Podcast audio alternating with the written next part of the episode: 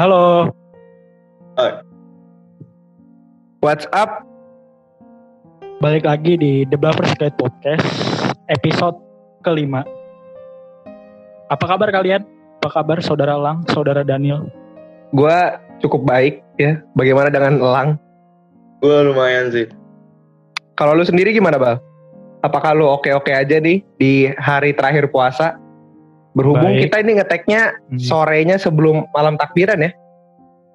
Iya, jadi ini momen momen-momen penutup gini. Kita dedikasikan untuk merekam podcast. Kalau kalian sendiri baru-baru ini baru ngelakuin apa aja gitu kayak apa masih ada tugas sekolah atau kalian abis denger apa, baca apa gitu? Kalau kalau gue gue akhir-akhir ini ya cuma main game aja sih sama ada sedikit kegiatan di real life gue. Kalau lu gimana nih Nil? Lu kegiatan itu ya, kegiatan OSIS dari sekolah lu ya? Bisa dibilang sih. Oh, oke. Os-. Kalau OSIS atau ISIS kalau gue sih astaga. jangan ya, jangan ngomongin ke arah sana. Itu ada pembahasannya tersendiri mungkin nanti. Kalau gue belakangan ini sih nggak banyaknya sih yang gue lakuin. Gue makin ke sini makin eh, suka Jepangan gawat sebenarnya. Takutnya nanti gue kalau udah nikah istri gue keibuan, gue kewibuan gitu kan. Gawat. Aduh. Gawat. Kalau Iqbal gimana Iqbal? Lu ngapain aja Ya. Bal belakangan ini? Ya wajar sih kayak biasa umat umat muslim di bulan puasa di masa kar- karantina ini paling cuman tidur, main HP. Cuman Lang doang nih yang unik gitu yang tetap peduli dengan yang lain sedangkan kebanyakan orang kan cuman menghabiskan waktunya di rumah gitu. Terus bridgingnya itu gimana anjing? Lu lu Kok kasih dilempar-lempar sih? Astaga. lu ini ini kasih kasar ya. Ini kasar buat buat pendengar kita ini ini bridging yang sangat kasar ya. Terus lu pada lu pada ini nggak lu pada ngeliat berita yang baru-baru ini nggak sih pada ngeliatin berita apa eh yang mall di mana sih tuh mall yang dibuka Gua kurang jelas dah Aduh, gue juga kurang tahu itu Jauh. di mana. Di, Di Jawa Ciledug Tengah itu sih? bukan sih? Oh di Ciledug ya? Hah? di Ciledug Ciledug bukan ya Jawa nggak sih Iya ya, setahu gue di dekat Ciledug itu. sejak kapan Yang- Ciledug Jawa Tengah bal Oh. yang waktu di video di videonya itu kan eh, satpamnya ngebuka semacam tirainya ya semacam gerbangnya terus orang-orang berbondong-bondong masuk itu kan Iya, yoi dan itu mengingatkan gue sama film-film zombie anjir. Iya itu itu serem banget sih. Apakah apakah layak maksudnya lu berjuang gitu apa cuma demi baju lebaran? Gua nggak tahu sih ya. Karena kan gue juga bahkan nggak ngerayain. Tapi apakah layak lu belanja baju lebaran di tengah corona ini? Gua nggak tahu. Nah, ngomong-ngomong tentang berita, ada satu berita yang membuat gue tertarik sih. Mungkin lo pada baca tentang salah satu masyarakat di daerah timur yang menuntut keadilan atas lahannya kalau nggak salah. Yang kemudian dipukuli sampai meninggal oleh aparatur kepolisian. Dari berita yang gue baca sih kayak gitu. Lo pada baca nggak? sempet sempet denger Kalau lu Nil, Kalau gua gue cukup gue cukup baca sih soal itu. Itu yang tuan kebun itu kan ya yang di Papua iya betul, yang di ya Papua nggak itu. sih? Kalau nggak salah ya. Jadi dia jadi dia menuntut keadilan atas lahannya akhirnya tapi dia dipukuli gitu kan. Menurut gua sih itu itu tindakan yang semena-mena ya apalagi dari apa sosok aparat gitu. Itu termasuk melanggar HAM gak sih? Menurut lu Lang? Kalau menurut gue dia yang melanggar HAM dan ngomong-ngomong tentang HAM nih di episode kali ini kita mau bahas apa sih Bel? Ya seperti yang udah dimention sama dua teman gua tadi kita akan yang kita akan ngomong tentang ham hamnya hak asasi manusia ya bukan ham daging babi. Tadi Wow. udah di tadi udah dikasih sedikit bridging sedikit pembahasan dari dua teman gue ini ngangkat soal per, perampasan tanah ya. Gue juga sempet baca beberapa artikel emang eh, banyak perusahaan-perusahaan besar di masa karantina ini manfaatin uh, semacam social distancing untuk uh, merampas tanah-tanah milik warga gitu. Nah, ini mungkin kita uh, ke basicnya dulu gitu ya. Kan tadi disempet ditanya sama Daniel gitu, itu melanggar HAM gak sih? Nah, kita baik dulu ke pertanyaan, ke pertanyaan dasarnya. Gue pengen nanya sama kalian, definisi HAM secara sederhana menurut kalian tuh apa sih? Kalau dari gue ya, HAM itu adalah hak yang ada bersama dengan seorang manusia lahir. Dan hak ini tidak bisa dicabut oleh orang lain dengan alasan apa pun. HAM juga itu bersifat universal, men. Kalau dari yang gue baca. Dan memang universal. Jadi hak asasi lo di Indonesia sama hak asasi lo di luar negeri itu sama. Nggak ada beda-bedanya. Dan uh, semua ini diatur di Universal Declaration of Human Rights. Bisa koreksi kalau misalnya gue salah tapi di situ isinya 30 pasal dan pasal terakhir itu ada bagian yang berbunyi kalau misalnya semua pasal tersebut dibuat tan tanpa menguntungkan satu belah pihak dalam mencabut HAM orang lain. Kurang lebih kayak gitu sih. Kalau lu gimana nih Nil? Sama sih, gue juga gue juga cukup setuju. Maksudnya HAM itu ya hak yang diperoleh oleh seseorang uh, ketika dia lahir gitu. HAM itu juga nggak boleh dibagi, nggak boleh dirampas.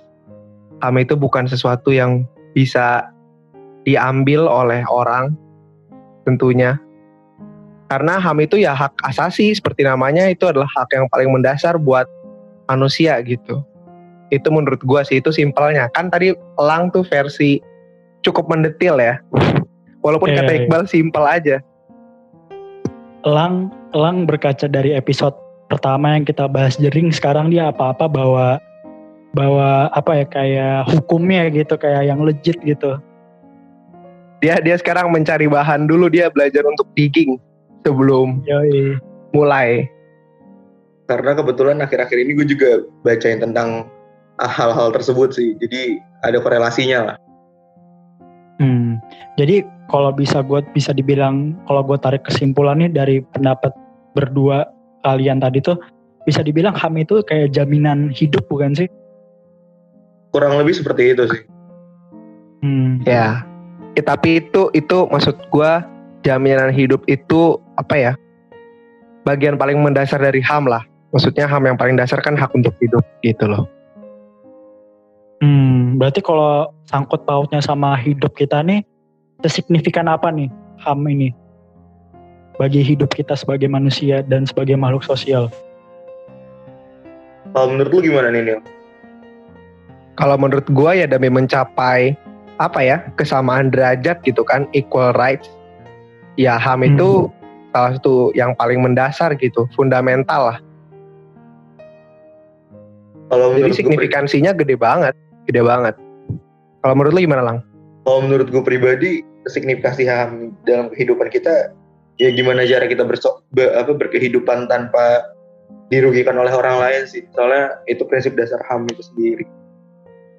Kayak lu hidup sekarang lu menempuh pendidikan di SMA dan lu telah melewati pendidikan di SD dan SMP itu adalah salah satu bentuk signifikasinya sih menurut gue. Uh, siapa sih nih? Gue pengen nanya sama kalian. Kan sebutin uh, HAM ini punya signifikansi yang besar gitu dalam hidup kita nah siapa sih yang perlu atau orang yang bertanggung jawab pihak-pihak yang bertanggung jawab untuk menjaga agar HAM ini tuh bisa sesuai dengan kodratnya gitu. Oke, menurut gue pribadi sih seluruh manusia itu e, bertanggung jawab atas ditegakkannya prinsip prinsip dasar HAM sih karena kalau misalnya pihak pemerintah doang yang ngejaga HAM namun mereka tidak tegas siapa lagi yang mau menegakkan HAM kalau misalnya bukan masyarakat-masyarakat luas? Menurut gue sih kayak gitu. Benar-benar perlu kesadaran dari setiap golongan ya. Dari setiap lapisan masyarakat nggak cuman nggak cuman bergantung sama pemerintah aja soal penyelesaian HAM. Mengingat HAM kalau di Indonesia ya gitu deh. Nah uh, kalau gitu menurut kalian penerapannya di Indonesia gimana nih apakah HAM di Indonesia sudah berjalan sebagaimana mestinya atau justru jauh dari kata adil, jauh dari kata yang tepat gitu? dari lu dulu Daniel. Menurut lu gimana Daniel? Kalau menurut gua sih ya, kalau menurut gua kasus HAM itu sih kalau di Indonesia itu udah hmm, kalau buat orang yang pemerhati HAM atau yang mereka biasa menyebut dirinya aktivis HAM gitu kan. Itu tuh sesuatu yang kacau gitu loh. Maksudnya bukan bukan sesuatu yang bisa dibanggakan oleh pemerintahan kita. Dan setiap peri setiap periode ya, gua nggak cuma ngomongin uh, periode yang sekarang sedang berjalan, tapi maksudnya dari setiap periode yang udah pernah kita tempuh, kasus HAM ini masih jadi kasus fundamental yang nggak bisa kita selesain gitu. Gua nggak ngerti kenapa, ya ngerti sih sebenarnya, tapi ya mungkin gak usah nyebut nama, tapi ya peng, selama penguasa-penguasanya masih ada di situ, jangankan kasus yang tinggi-tinggi, kasus akar rumput aja nggak akan mungkin kita bisa selesain. Contohnya kasus akar rumput tuh maksud gue kayak kasus uh, Mira atau Mira yang kemarin beberapa hari lalu dibakar itu, terus uh, maupun kasus tuan tanah yang di Papua itu, itu tuh kasus akar rumput gitu loh. Kasus yang penanganannya mungkin bisa diusut gitu. Tapi ya selama gimana ya selama yang di atas itu masih mengendalikan ya nggak akan bisa gitu, maksud gue kalau menurut lu gimana lang? Soal penanganan pemerintah kalau menurut gue pribadi ya penanganan ham di Indonesia itu sangat kurang sih. Karena uh, banyak uh, menurut ada pelanggaran ham yang bahkan dilakukan oleh pemerintah itu sendiri sih bisa dibilang. Contoh kasus 65 banyak juta ratusan ribu bahkan sampai jutaan orang yang tercatat sebagai terduga Partai Komunis Indonesia dibunuh-bunuhin massal. Dan itu belum sampai sekarang keluarganya menuntut untuk keadilan atas kasus tersebut dan belum mendapatkan keadilannya dan yang baru-baru ini sih di dua dekade ke belakang hmm. gue denger-denger lu tahu nih bal dalam dari pembunuhan Munir bal kok tiba-tiba Elang nih ngelempar-ngelempar aja nih. Sebenarnya Elang tuh punya jawabannya tapi karena dia tidak tidak yak tidak berani tidak berani untuk mengungkapkan jawabannya dia ngelempar-ngelempar aja. Iya dia dia takut kopinya juga dicampur dia. Oke, okay, ya dari kasus Munir tersebut aja kita bisa menyimpulkan kalau misalnya penanganan kasus di Indonesia HAM di Indonesia itu kurang.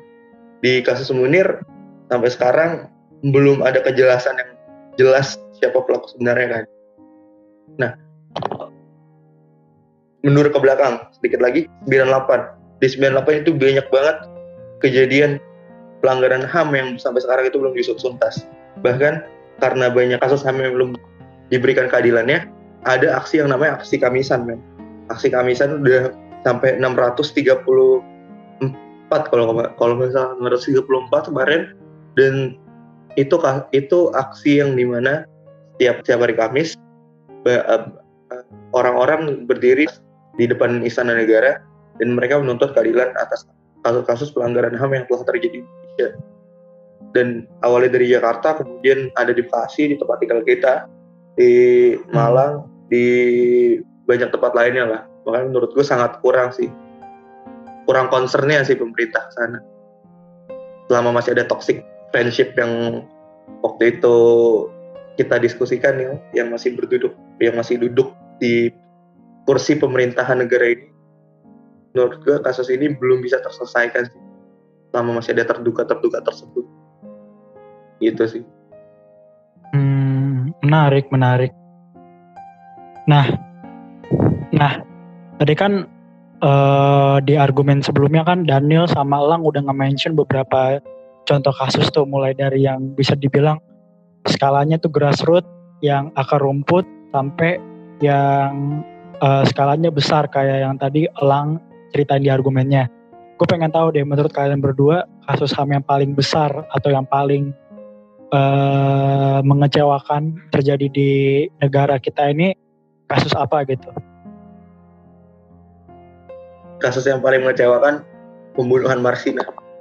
Karena gue bukan bermaksud jorok tapi di dalam pembunuhan Marsina di dalam pembunuhan Marsina itu vagina dari Marsinah itu ditusuk oleh benda tumpul benda tumpul. Dan itu tuh artinya ada perempuan itu tidak boleh melawan penguasa. Perempuan itu harus tunduk pada penguasa. Dan itu uh, yang membuat gue kecewa terhadap kasus tersebut karena merendahkan derajat kaum perempuan. Dan kedua kalau nggak salah sampai sekarang pembunuhan Marsinah itu belum dianggap sebagai kasus pelanggaran HAM berat di Indonesia. Itu yang bikin gue kecewa.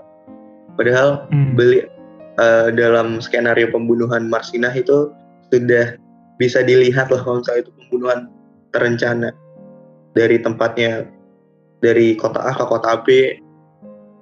Itu korelasinya bisa dilihat lah kalau gue kalau dibilang menurut dari sudut pandang gue gitu sih kalau lu gimana nih Nino? Kalau bicara kasus sih banyak banget ya yang mengecewakan dan sampai saat ini belum diselesaikan. Tapi kalau ada satu kasus yang cukup berat dan pengaruhnya maksudnya cukup menarik untuk diperhatikan ya. Menurut gue sih mungkin kasusnya Wiji Tukul sih. Wiji oh, Tukul yang... tuh yang penyair loh, Bal. Tahu kan lo? Iya, ada film ya gue pernah nonton. Yoi. itu kata-kata. Iya, itu itu itu dia luar biasa banget sih. Maksudnya dia tokoh yang luar biasa dan cara cara pihak-pihak yang mau menyingkirkan dia dalam menyingkirkan dia itu itu adalah uh, pelanggaran HAM yang berat sih walaupun walaupun ada salah satu petinggi negara kita yang bilang katanya itu non yudisial alias tidak bisa dihakimi atau tidak bisa di dilanjutkan ke bidang hukum. Tapi nggak tahu lah. Gue udah no comment lah udah soal cara penanganannya. Uh, ini sekarang, sedikit sekarang dia dia tuh ngilang ya? Iya. Bisa dibilang. Posting ya? Iya. Bisa nih ngomong-ngomongin tentang biji tukul nih. Gue jadi ingat di salah apa pembicaraan di salah satu podcast yang sering gue dengerin. Katanya ada oh, ada salah satu pihak yang menyebutkan dia tahu di mana makam 12 aktivis yang menghilang pada 98 tapi eh, nggak uh, diusut tuntas gitu apa itu cuma sebagai strategi politik atau hal-hal lain.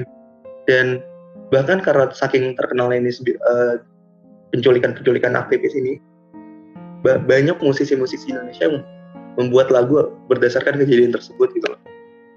Salah satunya efek rumah kaca hilang.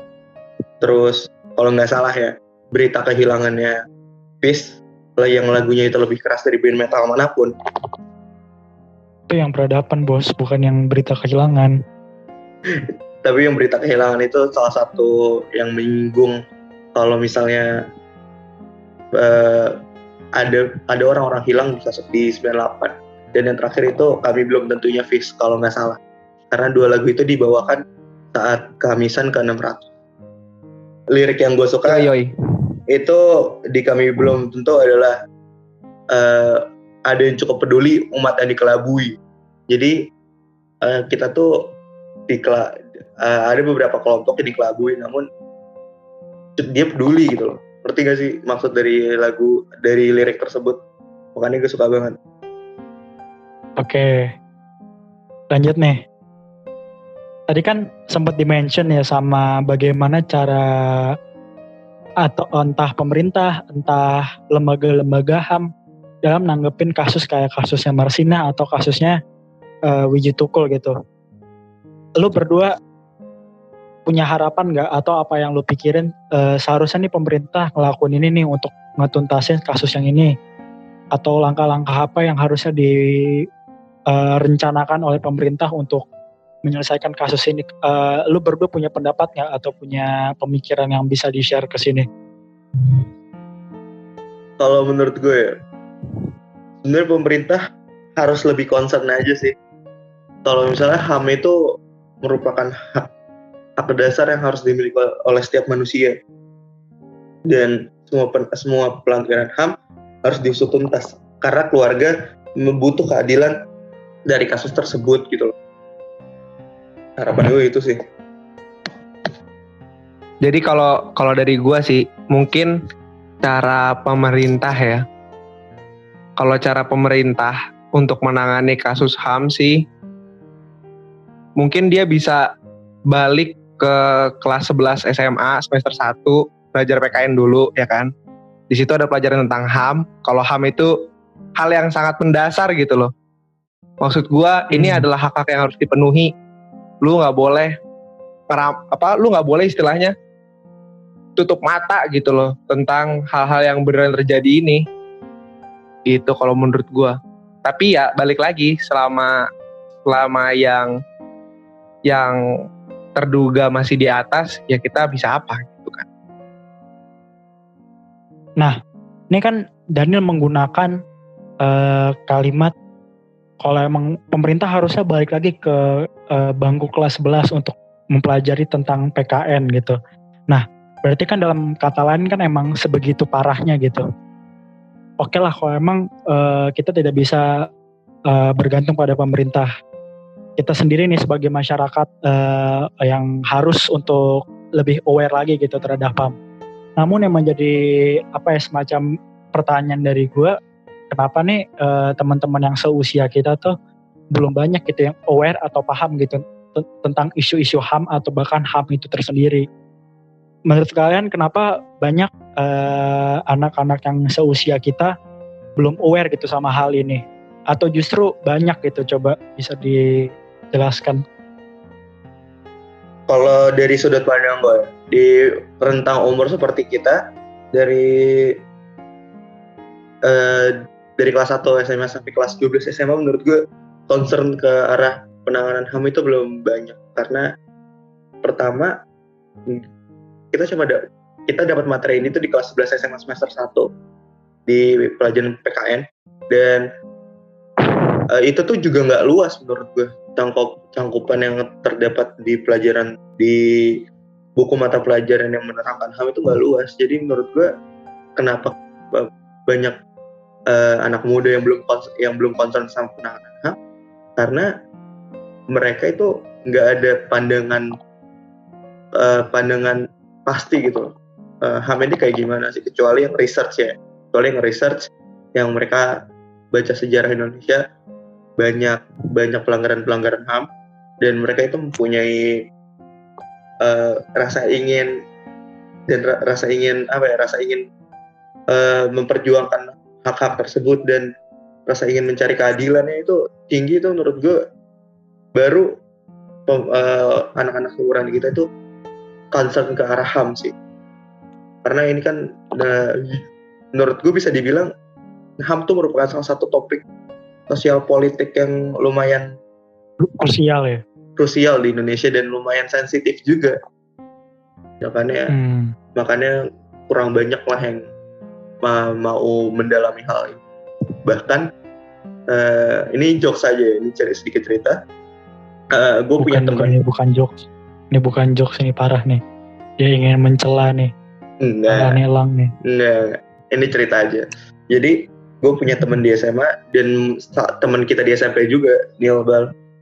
gue ngobrol sama dia eh, dan gue bilang kan, gue di kuliah gue mau jadi aktivis kah- aktivis HAM. Dan uh, Ang bilang tapi ya loh kalau dari gue pribadi suatu saat gue nggak mau punya pacar aktivis HAM khususnya HAM. Kenapa? Karena gue nggak mau uh, pacar gue hilang. Bahkan jokesnya tuh sampai situ loh paham nggak poin yang ingin gue sampaikan? Hmm. saking sensitifnya uh, kasus-kasus ini dan cara kita cara orang-orang memperjuangkannya bah- bahkan banyak jokes-jokes yang kayak gitu gitu loh. Jangan kayak gitu ntar hilang lah apalah. Karena penguasa di sana itu pengen nunjukin jangan melawan kalau nggak mau kayak orang-orang itu menurut gue pribadi kayak gitu. Kan eh, eh, reaksi dari pengalaman pribadi, reaksi dari temennya Elang berdasarkan pengalaman pribadinya Elang kan menjadi refleksi gitu Eh, bahwa HAM ini tuh bisa dibilang tabu ataupun memiliki citra yang buruk gitu di kalangan anak muda. Nah itu kan berdasarkan pengalamannya Elang. kalau berdasarkan pengalaman atau knowledge-nya Daniel gimana nih? Soal apa nih? Soal bagaimana HAM itu tabu. Uh, soal bagaimana HAM ini diterima oleh anak-anak muda gitu. Kalau soal bagaimana HAM ini diterima oleh anak-anak muda sih menurut gua banyak-banyak digging aja, banyak-banyak baca, banyak-banyak uh, lihat berita lah. Gue tahu itu nggak semenarik pop culture lainnya gitu tapi ya lu lu punya approach masing-masing lu punya cara uh, mendekati ham itu sendiri-sendiri gua rasa tapi de, apa pun itu caranya kalau lu tanggepinnya melalui dengan hati nurani lu gitu loh lu pasti akan tertarik sih sama yang namanya ham ini. Karena ini udah bukan udah bukan soal kepedulian atau gimana lagi. Ini tentang common sense gitu. Bagaimana hati nurani lo bertindak kalau lihat ketidakadilan gitu sih menurut gua. Selain itu usia-usia kita itu sebenarnya anak-anak SMA atau menuju kuliah itu sebenarnya umur yang paling pas karena lu ngerasa gue udah tambah gue udah tambah gede nih udah mau mendekati kedewasaan tapi uh, ini saatnya kayak ini saatnya untuk gua mengubah dunia gitu loh. ini saatnya untuk gua uh, melakukan sesuatu buat negara ini. Maka dari itu sebenarnya justru umur-umur muda gini yang saat-saat di mana kita harus uh, mendukung HAM gitu, mendukung tegaknya HAM di Indonesia. Gitu sih kalau menurut gua. Terus tadi kan Elang bilang ini ya, Elang tadi kan bilang pemerintah itu uh, dalam tanda kutip menghilangkan pada zaman dulu itu tujuannya supaya jangan melawan gitu kan. Jangan melawan kalau nggak mau kayak dia. Salah. Justru harusnya pemerintah itu menghukum yang menghukum yang melakukan tindakan uh, yang melawan ham terus dihukum terus jangan melawan ham. Kalau nggak mau kayak dia harusnya gitu. Gitu sih kalau menurut gua. Pasti kan ketika kita mempelajari atau lebih aware terhadap suatu hal kan ada ada dampak positifnya gitu. Dan juga kebalikannya gitu kalau kita ignorant atau apatis terhadap suatu hal kan ada sisi negatifnya juga gitu gue bisa bilang kalian berdua ini cukup bisa dibilang aware lah terhadap kasus-kasus HAM yang terjadi di Indonesia atau setidaknya mempunyai kemauan gitu untuk mempelajari dan memperdalam gue pengen tahu eh, sisi positif dan negatif dari uh, mempelajari HAM uh, bagi dari sudut pandang kalian gitu? Kalau dari sudut pandang gue, sisi positifnya banyak banget. Lo lebih belajar tentang kemanusiaan, lo lebih belajar tentang ilmu, ilmu sosial, tapi sisi negatifnya lo bisa hilang. Dan lo sadar kalau misalnya negara ini bukan negeri dongeng. Yang semua itu indah di depan.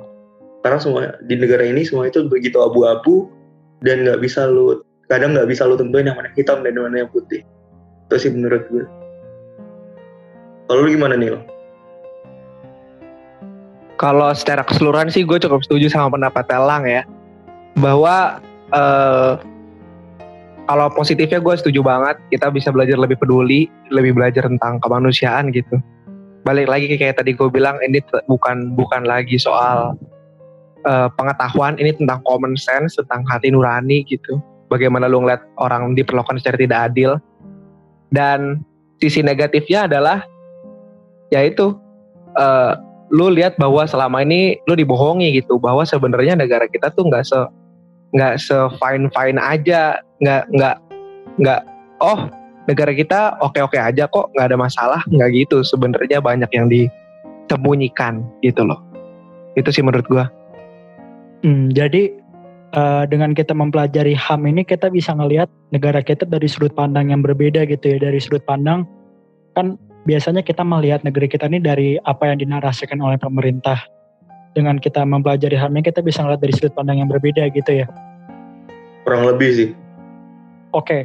Uh, eh, kan manfaat tadi udah di-share gitu. Kita bisa lebih aware, kita bisa menambah sudut pandang baru terhadap apa yang terjadi di negara kita gitu, di sekitar kita untuk bisa lebih aware tuh aksesnya apa gitu? Kalau dari kalian kayak baca media-media tertentu kah atau baca jurnal gitu bisa di share nggak ke sini biar teman-teman yang denger tuh kalau mau mempelajari soal ham gitu bisa apa ya bisa mengikuti gitu.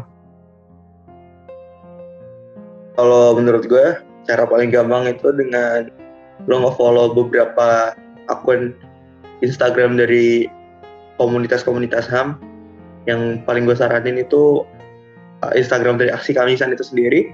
Terus dengerin podcast dan ada salah satu podcast tentang tentang HAM yang gue suka yaitu Mudah Mudah HAM yang merupakan plesetan dari mudah-mudahan uh, makna dari podcast tersebut nah dari makna dari judul podcast tersebut itu uh, berarti mereka mendoakan semoga mudah-mudahan ke depannya kasus pelanggaran HAM di Indonesia itu diusut tuntas. Dan podcast itu adalah podcast dari aksi Kamisan. Kalau melalui jurnal banyak kok jurnal-jurnal oh, jurnal umum tentang HAM di Google atau kalau misalnya ada situs situs lengkapnya sendiri namun itu dalam bahasa Inggris jadi mungkin uh, di, di beberapa orang tidak masuk tapi gue lupa uh, webnya itu apa. Dari gue sih itu. Kalau dari lu gimana nih kalau dari gue sih uh, banyak-banyak baca-baca aja sih sebenarnya. Itu udah paling itu udah paling benar. Dan tadi podcast mudah-mudahan yang tadi di sebutin sama Lang itu salah satu podcast yang oke okay juga lu dengerin selain Developers Guide Podcast tentunya ya. Betul. selain itu, Betul. selain itu ya lu bisa baca berita lah, lu bisa baca berita. Cari-cari aja di uh, internet dengan uh, apa? Dengan keyword kasus pelanggaran HAM berat misalnya gitu.